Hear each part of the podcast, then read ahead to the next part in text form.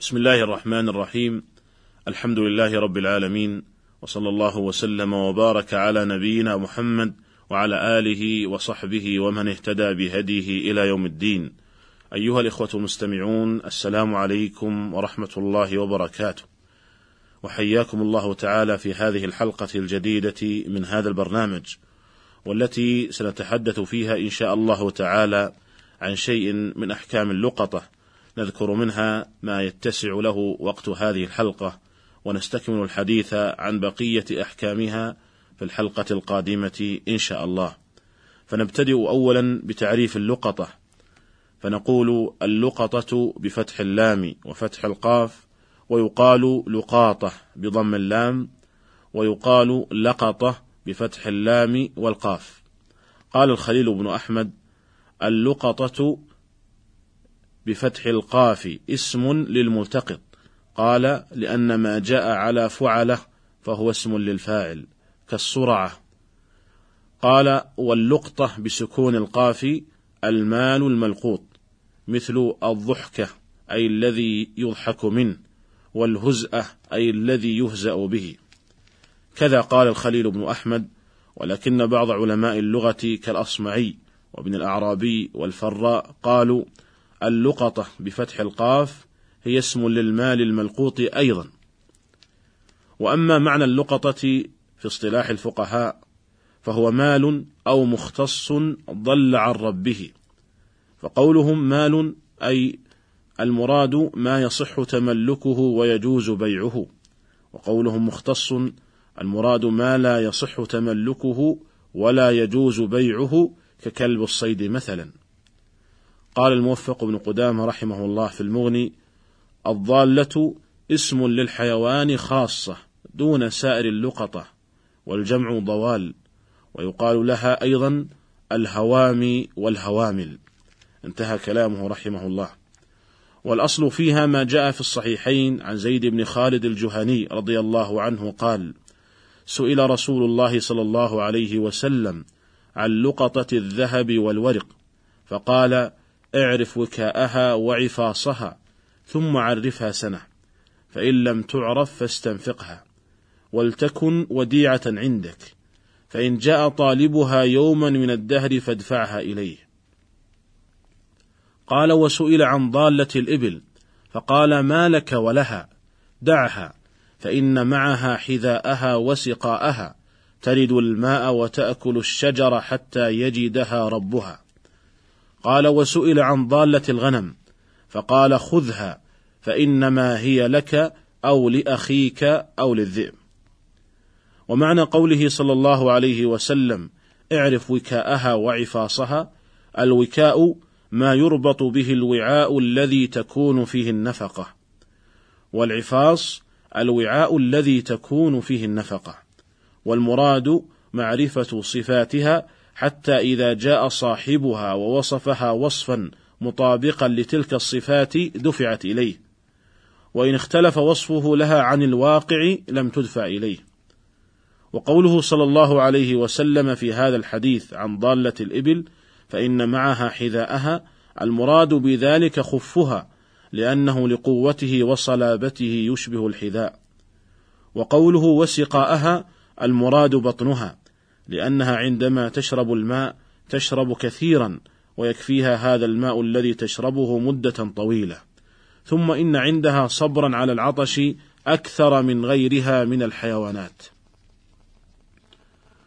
أيها الإخوة المستمعون وإذا ضل مال عن صاحبه فلا يخلو الأمر من ثلاث حالات. الحال الأولى أن يكون هذا المال مما لا تتبعه همة أوساط الناس. كالسوط والرغيف والعصا والثمرة ونحو ذلك. فهذا يجوز لملتقطه أن يأخذه من غير تعريف.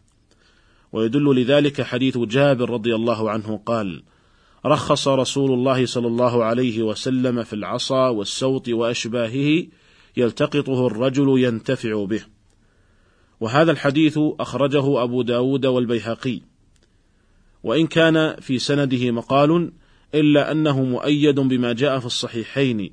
عن أنس رضي الله عنه أن النبي صلى الله عليه وسلم مر بتمرة في الطريق فقال: لولا أني أخاف أن تكون من الصدقة لأكلتها.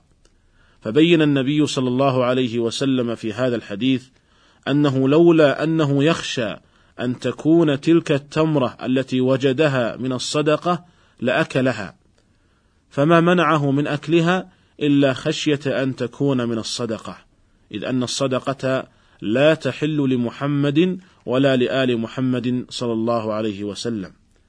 فدل هذا الحديث على أن الشيء اليسير كالتمرة ونحوها مما يجوز أخذه والتقاطه من غير تعريف. وضبطه الفقهاء بما لا تتبعه همة أوساط الناس. ولكن ما المراد بأوساط الناس؟ فإن من الناس من يكون غنيا ولكنه شحيح جدا لدرجة أن همته تتبع الأشياء الحقيرة. ومن الناس من يكون فقيرا ولا تلتفت همته للأشياء الحقيرة. قال أهل العلم المراد بأوساط الناس أوساط الناس خلقا. الحال الثانية أن يكون مما يمتنع من صغار السباع. إما لضخامتها كالإبل والخيل والبقر وإما لطيرانها كالطيور وإما لسرعة عدوها كالظباء وإما لدفعها عن نفسها بنابها كالفهود. فهذا القسم بأنواعه يحرم التقاطه ولا يملكه آخذه بتعريفه لقول النبي صلى الله عليه وسلم لما سئل عن ضالة الإبل ما لك ولها؟ معها سقاؤها وحذاؤها ترد الماء وتأكل الشجر حتى يجدها ربها. وفي رواية عند مسلم أن النبي صلى الله عليه وسلم لما سئل عن ضالة الإبل غضب حتى احمرت وجنتاه أو احمر وجهه ثم قال ما لك وله.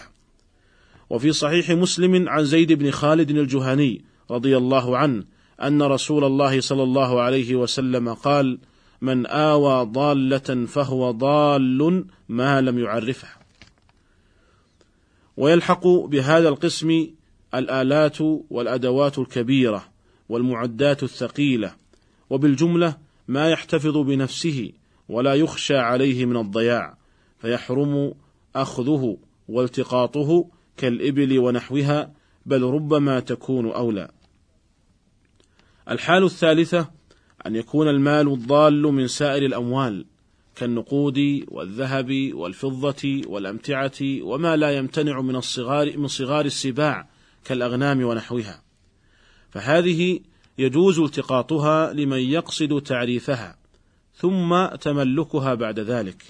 لقول النبي صلى الله عليه وسلم لما سئل عن ضالة الغنم قال خذها فإنما هي لك أو لأخيك أو للذئب. قال الحافظ ابن حجر رحمه الله معلقا على هذا الحديث فيه إشارة إلى جواز أخذها كأنه قال هي ضعيفة لعدم الاستقلال معرضة للهلاك مترددة بين أن تأخذها أنت أو أخوك والمراد به ما هو أعم من صاحبها أو من ملتقط آخر. وقوله أو للذئب المراد به جنس ما يأكل الشاة من السباع. وفيه حث له على أخذها لأنه إذا علم أنه إن لم يأخذها بقيت للذئب كان ذلك أدعى له على أخذها. انتهى كلامه رحمه الله. أيها الإخوة المستمعون العلماء متفقون على جواز التقاط هذا النوع من الضوال.